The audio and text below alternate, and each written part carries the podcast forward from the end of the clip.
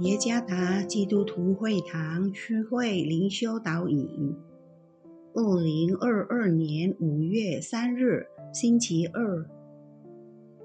主内弟兄姐妹们平安。今天的灵修导引，我们要借着圣经西番雅书第二章第三节来思想今天的主题：立定你的心。作者曾礼物牧师。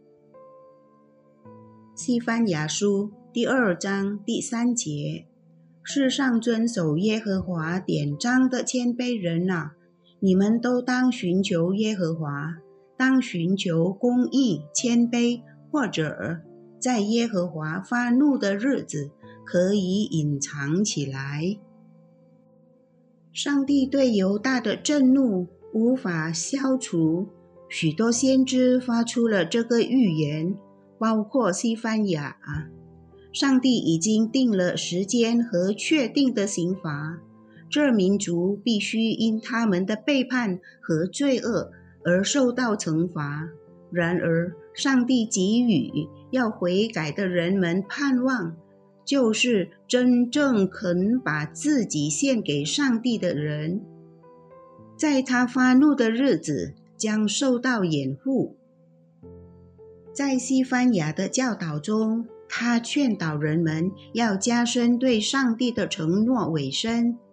他给了三把钥匙，让人们可以使用，以便能经历从上帝而来更新的祝福。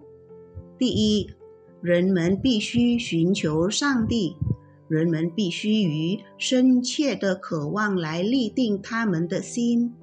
来认识和爱上帝，成为唯一的保护者。第二，人们必须按上帝的圣言寻求公义，并成为生活的向导。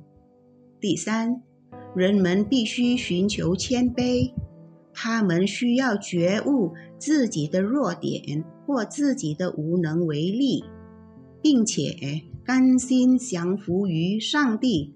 而顺服他，岂不是在上帝发怒时，我们希望得掩护吗？我们不渴望享受他的祝福吗？若答案是的话，那么西班牙的悔改呼吁也是用于成为反思。我们可以恳求圣灵的帮助，好让我们与上帝的关系合乎他的旨意。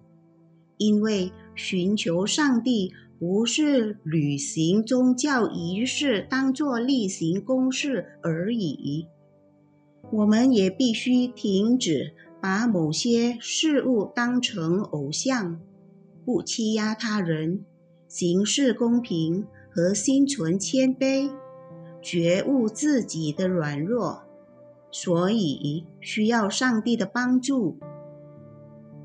寻求上帝公义和谦卑，让我们能有机会从上帝的刑罚中得释放。主耶稣赐福。